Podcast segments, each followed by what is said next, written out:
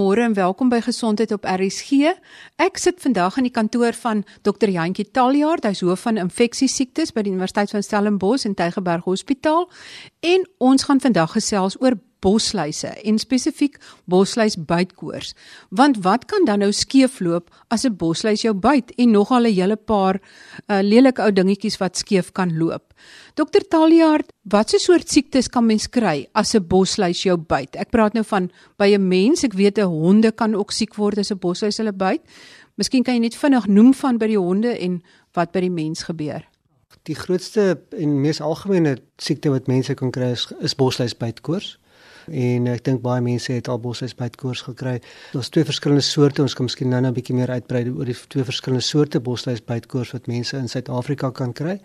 Um, honde kry bosluiskoors wat ons noem en dit word deur 'n ander organisme veroorsaak. Mense sal natuurlik 'n veearts moet kry om vir mense meer te verduidelik daaroor. En dan is mens uh, in Suid-Afrika sekere dele in Suid-Afrika veral die meer plattelandse dele kan boere en plaaswerkers en abattoirwerkers blootgestel word aan iets soos Kongo koors ook.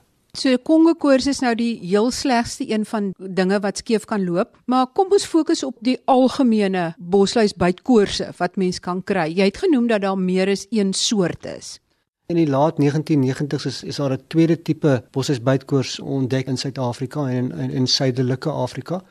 Toe ons besef dat daar 'n geringe soort siekte wat 'n mens kan kry en dan is daar 'n ernstiger soort bosluiskoors of 'n bosluiskoors wat ernstiger kan raak. Die twee tipes is geografies verskillend. Die een tipe kry 'n mens by jou hond meestal van 'n hond bosluis, so dit is meer in 'n stedelike of 'n of amper stedelike omgewing waar die bosluis vanaf die hond na die mens gaan. Dit noem ons 'n Mediterranean spotted fever. Dit is 'n siekte wat jy ook in die Mediterrane gedeeltes van van die wêreld kry en ook in die Caribbean areas. Dit kan soms 'n redelike ernstige siekte veroorsaak. Aanvanklik baie erge hoofpyn, ehm um, die bytplek juk en kan verander en word donkerkleurig. Mens kan dan 'n veluitslag kry 'n paar dae later. So eerstens word jy siek, jy kry die hoofpyn, selfs 'n bietjie nekstyfheid, amper soos 'n meningitis. Jou oë kan ook seer wees, hoë koorse en dan die veluitslag wat 'n paar dae later aankom. Soms kan daar ook soms um, van jou limfnodes vergroot in die area waar die bytplek was. En dan soos ek gesê het, die dokter sal dan onmiddellik soek vir 'n bytplek en dan hierdie bytplek sien wat donkerder word, ons noem dit 'n eschar. Dit kan dan beter word op medisyne dikwels, meestal, maar in mediterrane bosluisbytkoors kan dit soms vir jou in die hospitaal laat beland en soms selfs so erg word dat dit amper lyk soos 'n Kongo koors. En dikwels in pasiënte wat voordoen by ons met Kongo koors, dan soek ons altyd eers vir vir bosluisbytkoors want dit is meer algemeen as Kongo koors, 'n ernstige tipe. Die, die ander soort wat ons kry is meer in die plattelandse dele. Dit is meer wat jy kry met met mense wat in die veld gaan stap met safaris, ook weer eens boere, plaaswerkers, soldate wat miskien uitgaan in die res van Afrika en, en in die veld is. Daai soort van blootstelling veldwagters, hulle word blootgestel aan bosluise wat dan die sogenaamde Afrika bosluisbytkoors oordra, African tick bite fever. Dis 'n meer geringe siekte. Dit gee nie altyd vir jou 'n veluitslag nie, maar dit gee definitief ook vir jou die hoofpyn en die koorse en ook dan nou die bytplek. Soms meer as een bytplek wat dan so donkerkleurig raak en uh, ook dan meer algemeen die limfnode wat vergroot in die areas. En dis 'n minder erge siekte. Jy selde wat jy so siek sal word dat jy in die hospitaal sal beland, maar jy moet natuurlik medikasie neem, maar dit kan mens voel maar baie sleg. Hoe lank nadat die bosluis jou gebyt het, kan jy byvoorbeeld die Mediterrane een kry of die Afrika een? Hulle is presies dieselfde. So 5 tot 7 dae na die bytplek begin 'n ou siek word. En as jy baie sensitief is vir daai tekens, dan kan jy dit baie vroeg optel en medikasie neem en en, en jy sal amper nie baie ernstig siek word dan daarna nie. Hoe langer 'n mens wag met met medikasie, hoe sieker kan 'n mens word. Watter tipe medikasie word dan gebruik? So medikasie is eintlik baie eenvoudig, baie effektief. Dis doxycycline, dis 'n baie goedkoop antibiotika wat mens kan gebruik. En 'n mens neem dit maar vir so tussen 5 en 7 dae en daar selfs mense wat sê as jy net 'n gering siekes kyk, moet jy vir 3 dae neem, maar ons beveel aan 5 tot 7 dae. Hou jy enige iets daarvan oor? Herstel jy 100% of is daar nou nog een of ander iets wat in jou bloed agterbly? Mens herstel as 'n reël 100%. Daar's 'n paar gevalle met die geringer Afrika bosuitbytkoors beskrywe waar mense nog bietjie de mekaar het 'n paar neurologiese tekens het na die tyd. Maar in die meerderheid van daai gevalle ook maar jy weet 'n maand of twee later sal dit ook herstel. Moet die borsluis groot en vet wees as jy hom van jou afhaal of kan dit dalk van 'n klein borsluisies wees? Is hulle ook gevaarlik? Ja, juist die kleintjies is juist gevaarlik want hulle sien hulle nie so maklik nie. Hulle is gewoonlik aan die in die in die begin van die lente, uh, vroeg somer is hulle nogal baie prominent. Soos ek sê, hulle sien hulle nie maklik nie, so jy haal hulle nie vinnig af van jou vel af en jou vinniger mens hulle afhaal hoe, hoe laer die kans dat jy 'n infeksie kry. En hierdie ouetjies kruip natuurlik weg en jy sien hulle nie onmiddellik nie. In die tyd wat jy hulle kry, dan is daar reeds infeksie. Ons noem hulle die nimf stadiums en die bosluise gaan maar deur stadiums. So dis nie verskillende bosluise nie. Dis maar net die stadium van die bosluise se ontwikkeling van die nimf stadium na meer volwasse stadium. So word hulle groter. En soos hulle natuurlik groter word, is nou wanneer hulle ook dan nou meer wys as hulle die bloed optrek en al hoe groter en vet word. Is dit alle soorte bosluise wat dan geïnfekteer is wat jou kan siek maak of is dit spesifieke spesies? Hoe werk dit? Nee, dit is spesifieke spesies. Soos ek nou nog gesê, die Mediterrane is meestal wat hulle noem die brown dog tick. So dit is meer 'n bosluis wat op honde en ander um, troeteldiere by die huis sal wees. En dan die een wat die Afrika bosluis koors oordra is. Dis een of twee of drie verskillende spesies, maar hulle is redelik naby verwant aan mekaar en is meestal dan wat op wilde diere in die veld voorkom. En waar kry die bosluis die bakterieë of die virus vandaan? Dit is 'n bakterie, dis 'n Rickettsia bakterie en hulle is maar teenwoordig in die in die omgewing en word maar aan die gang gehou tussen bosluis en dier. En die mens is maar 'n toevallige uh, tussenganger in hierdie siklus. So dit word voortgegaan tussen mens en dier en diere word gewoonlik nie so siek daarvan nie. Met ander woorde, as mense in 'n mediese joernaal lees van Rickettsia, dan bedoel hulle bosluis bytkoors en kry mens verskillende soorte reg oor die wêreld. Ja, dis korrek. Dit is eintlik maar geografies uh, afhanklik van die soort. Ehm um, so elke nou en dan is daar 'n ou wat 'n nuwe riketsia ontdek in sy land. Uh, en die siektes is verwant aan mekaar in terme van hoe hulle voordoen en die ernstigheidsgraad ook daarvan. Maar ek sou sê die meer ernstige soorte is die wat jy in Amerika kry, die Rocky Mountain spotted fever. En die Mediterrane bosesbytkoors wat ons in Suid-Afrika kry, is ook 'n redelike ernstige een, maar in vergelyking met die Rocky Mountain sou ek sê 'n matige siekte. Ehm um, en dan is daar nou natuurlik ander wat minder ernstige siekte veroorsaak soos die Afrika bosluisbytkoors. Wat dan van die ander siektes wat bosluise ook kan oordra? Wel nou mense toe dink ek die heel belangrikste ene in Suid-Afrika is is Kongo koors. Um, dit kom ook in ander lande voor. Dit kom ook voor in in, in veral in Rusland en in Oos-Europa is daar baie meer kongokoors as wat ons in Suid-Afrika het met groot uitbrekings. Maar dit is maar die siekte waaroor ons bekommerd is in Suid-Afrika. Ons sien nie baie gevalle per jaar nie. Dis meestal die droër areas van die land. Die Karoo areas, uh, Vrystaat se suidelike dele, die suidelike dele van die Noord-Kaap, uh, miskien 'n bietjie in die Wes-Kaap. En dan is daar nou gevalle ook beskrywe uit ander dele soos KwaZulu-Natal, Mpumalanga en so aan. So dit kom maar eintlik dwars oor die land voor. Ons sien so tussen 1 en 5 gevalle per jaar in die hele land. So is baie skaars, maar is natuurlik 'n baie ernstige siekte met 'n hoë sterftesyfer van omtrent 50%. En as ek nou reg onthou, is dit die bontpoot boshuis of die Hyalomma spesies en Kongo koors is 'n virus, nê? Nee? Dit is heeltemal korrek. Dit is dis die bontpoot bosluis in Afrikaans en in Engels. Dit uh, veroorsaak 'n bloedingsneiging met baie hoë koorse.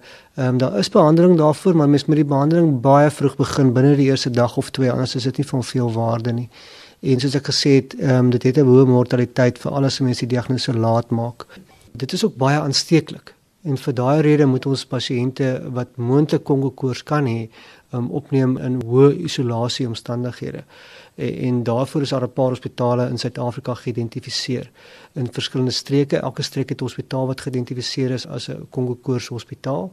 Kimberley Hospitaal het een in Tygerberg Hospitaal en so kan jy deur die hele land gaan. Is daar hospitale wat geïdentifiseer is um, vir hoë risiko um, Kongo Koors gevalle.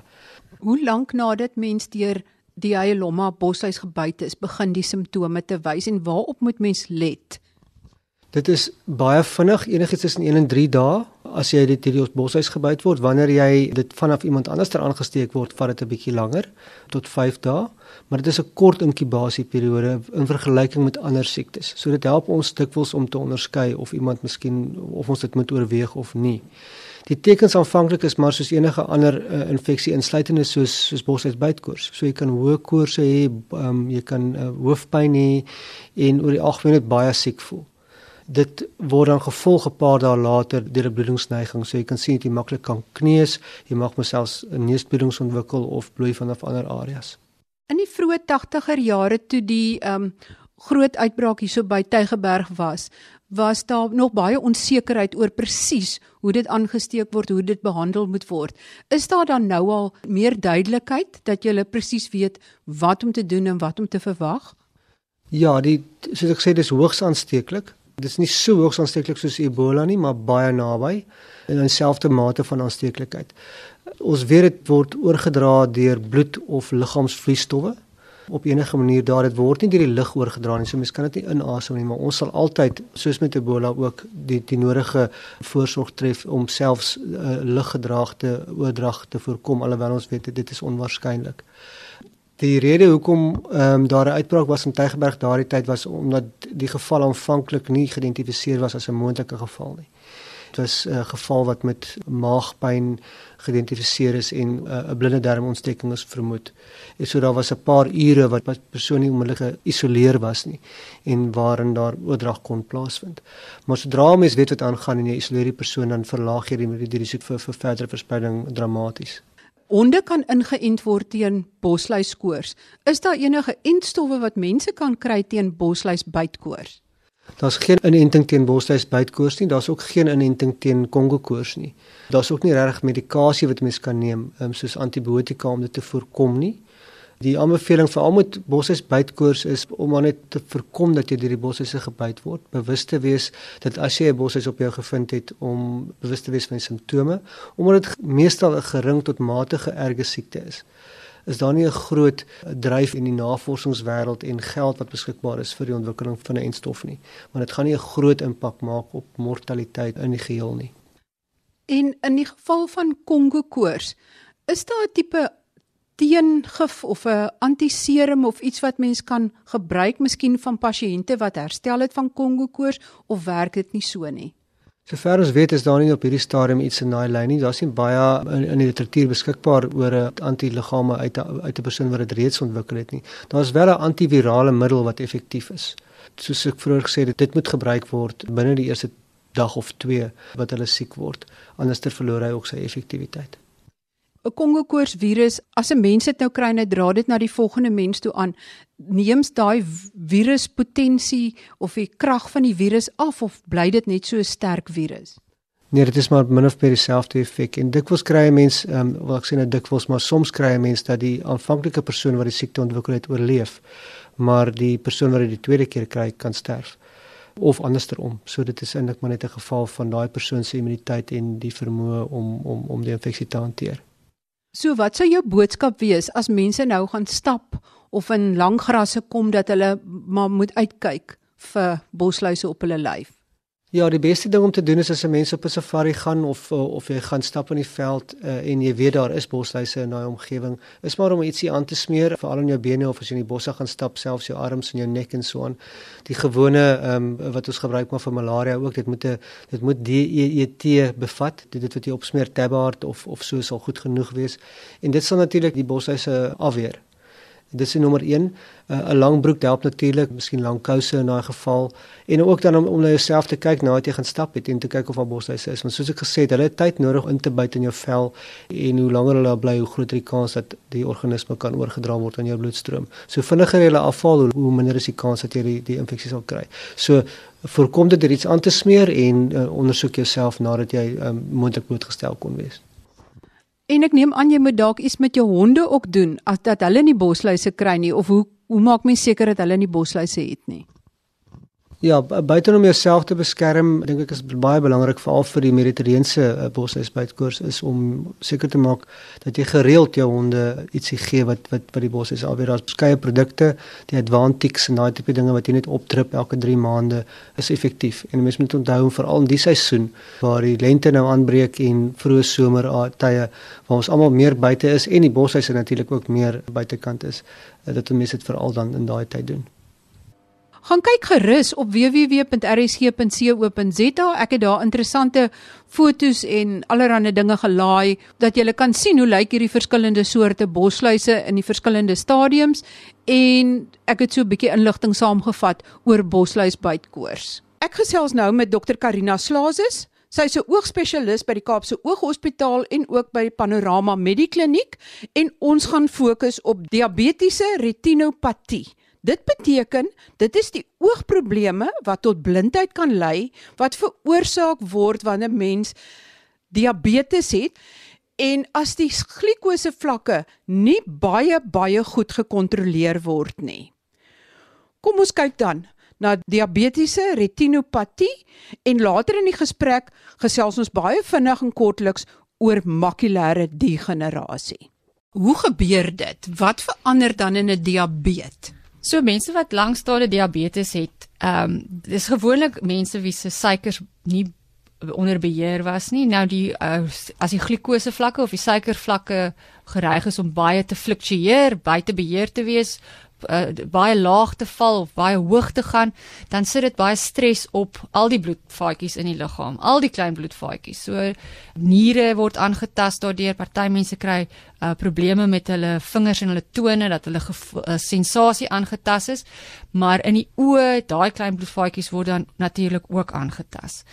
En jy kan daai bloedvaatjies kan jy fisies sien as 'n mens 'n oogondersoek doen die suikervlakke maak dat daar 'n relatiewe hipoksie van die weefsel is en dit lei dan tot die uh, afskeiding van sekere stowwe wat uh, syne is om nuwe bloedvate te vorm. En dan vorm dan groei daar klein nuwe abnormale bloedvaatjies binne in die oog en hierdie abnormale bloedvaatjies is baie bros en hulle is geneig om maklik te lek en vog deur te laat en ook te te bloei. So in diabetiese retinopatie kry mens dan dat mense hierdie abnormale bloedvaatjies het, hulle het swelling agter in die oog wat die visie aantas en daar kan bloedings ook plaasvind wat dan ook natuurlik die visie gaan beïnvloed.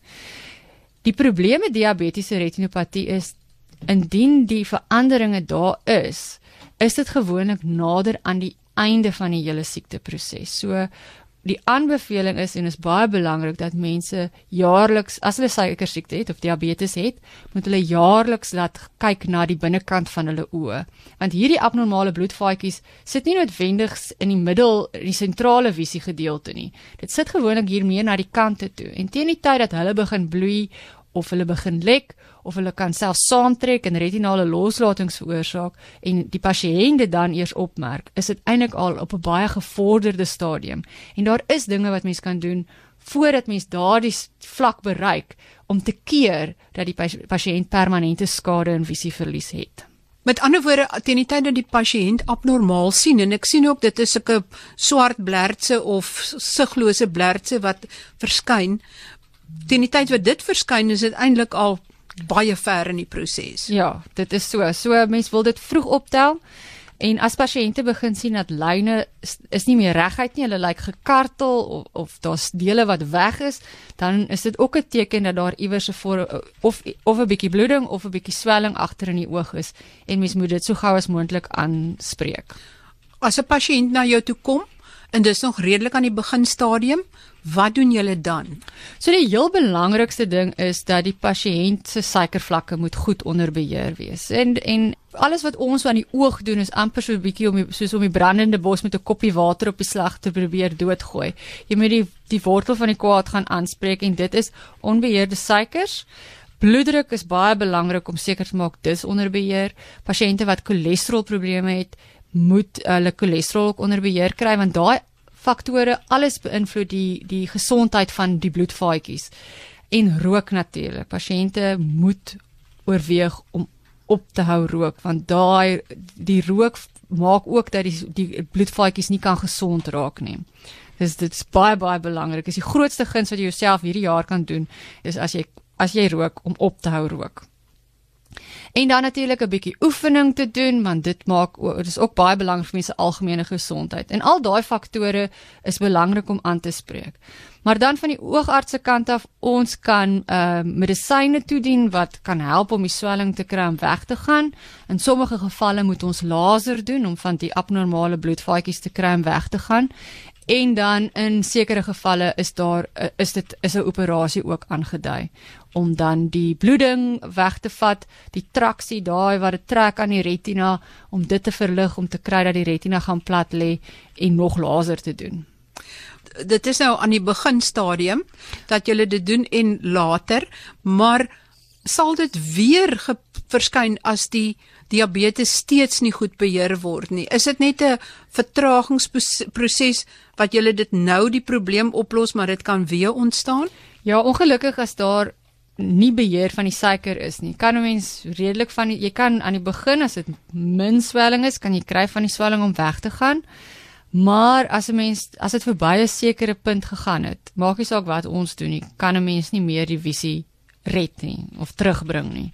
So hoe vroeër 'n mens seker maak alles is onder beheer en aanspreek wat aangespreek moet word en seker maak die suiker is is fyn gekontroleer, dan kan mens keer dat daar progressie is. Maar ongelukkig as dit te gevorderd is, is daar nie veel wat mens kan doen daaromtrent nie. Ja, ons het al herhaaldelik op hierdie program gesels oor diabetes en dis nie so seer die mense sal baie keer sê wat maak dit saak as my suikervlakke of glikose vlakke te hoog of te laag is, maar dis die komplikasies, die probleme met die hart, die niere, die oë wat die groot probleme veroorsaak en verreweg die meeste sterftes as gevolg van diabetes is weens hartprobleme wat 'n komplikasie is van diabetes net soos wat die oogprobleme nou die komplikasie is van diabetes wat mens so graag wil vermy. As jy eh, 'n uh, boodskap het vir iemand wat diabetes het, jy het nou genoem van die rook en die goeie beheer. Miskien kan jy net soort van wie sê wat is jou belangrikste boodskap vir iemand met tipe 2 of tipe 1 diabetes?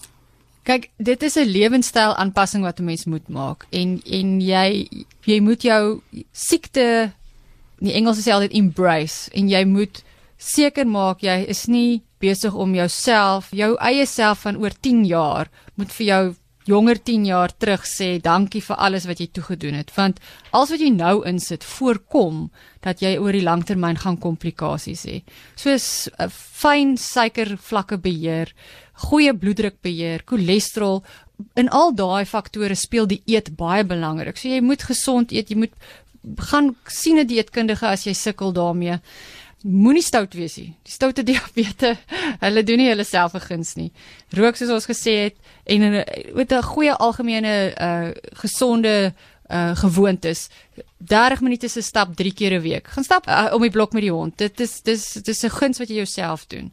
En daai is algemene lewenstyl uh faktore wat mens maklik kan aanspreek uh sonder dat 'n mens duur daarvoor hoef te betaal. Ek gesels met dokter Karina Slazes, sy's 'n oogheelkundige of 'n oogarts by Panorama Medikliniek en ook by die Kaapse Ooghospitaal. Dokter Slazes, ons gaan in die toekoms weer gesels oor nog retina probleme wat dan makulêre degenerasie insluit. Terwyl ons nou 'n paar minute tyd het, kan jy net vinnig vertel wat is die verskillende soorte makulêre degenerasie wat mens kry en hoekom mens dit verskillend noem. Okay. So die die algemeenste ehm um, makulêre degenerasie wat ons um, sien wat die een van die drie groot probleme vir visieverlies um, in die wêreld is, is ouderdomsverwante makulêre degenerasie. En dit is waar oor tyd in ouer mense kan die selletjies agter in die oog wat die lig vang uh, op die retina kan nie meer hulle afbraakprodukte metaboliseer en wegvoer nie en dan bou dit op en dan na op op, na, op 'n sekere punt kan die selle net nie meer bly voortbestaan nie en dan begin hulle afsterwe. En dis wat ons noem die droë tipe ouderdomsverwante makulêre degenerasie. En dis ongelukkig waar pasiënte stadig oor tyd begin hulle dowwe kolle sien, dele wat wegraak, hulle kan nie meer lekker gesigte sien nie en die naaldwerk raak moeilik, bestuur raak moeilik, hulle kan nie lees nie en die TV is ook definitief nie meer in fokus nie. En dis die grootste uh gedeelte van die makulêre degenerasie. Nou 10% van mense kry wat ons noem die nat tipe ma ouderdomsverwante makulêre degenerasie. En dis nou waar die integriteit van die uh membraantjies agter in die oë uh, verlore gaan omdat die selle nie meer daar is om dit in stand te hou nie. Jy kry essensiële krakie en dan begin daar abnormale bloedvaatjies groei. Weereens hierdie abnormale bloedvaatjies is dan geneig om te lek en te bloei wat dan skielik lei tot 'n verandering, 'n afname in visie. So die pasiënte sal gewoonlik vir jou sê hulle sien 'n groot nuwe donker kol wat nie daar was 2 dae terug nie of hulle sien dat al die lyne lyk gekartel. Hulle sê die wit die as hulle bestuur die wit streep maak sulke golwe. Daai is ook 'n redelike dringende noodgeval wat 'n mens moet na laat kyk. Ehm um, want deesdae kan 'n mens iets daaromtrent doen. 15 jaar terug was daar niks wat ons kon gedoen het nie. En hoe gouer mens dit aanspreek, hoe vinniger kan mens ook die visie herwin.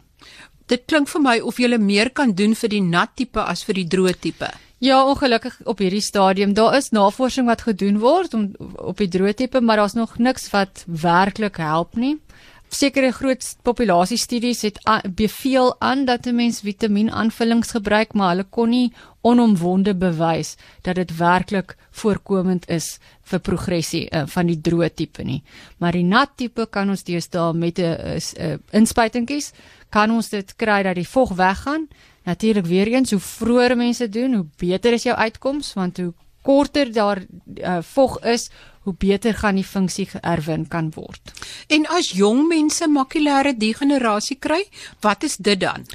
Nou die tipe die makulêre degenerasies is meer 'n uh, genetiese tipe degenerasies wat ons sien in in jonger mense. Die algemeenste ene wat uh, daar buite is wat ons noem Stargardt's se dystrophy. Dit val on, alles onder die groep uh oogtoestande uh, wat uh, ons noem retinitis pigmentosa. En dit is ehm um, daar ongelukkig is nie veel wat ons aan kan doen nie. Dit is maar 'n degeneratiewe uh, proses wat lei tot visieverlies. Dit was dan my gas, Dr. Karina Slazus, oogspesialis by die Kaapse Ooghospitaal en ook by Panorama Medikliniek. Gaan kyk gerus op ons webblad rsg.co.za vir baie interessante bykomende inligting oor hierdie oogtoestande en moenie vergeet om weer volgende week in te skakel op gesondheid op RSG nie. Groete van my, Marie Hudson.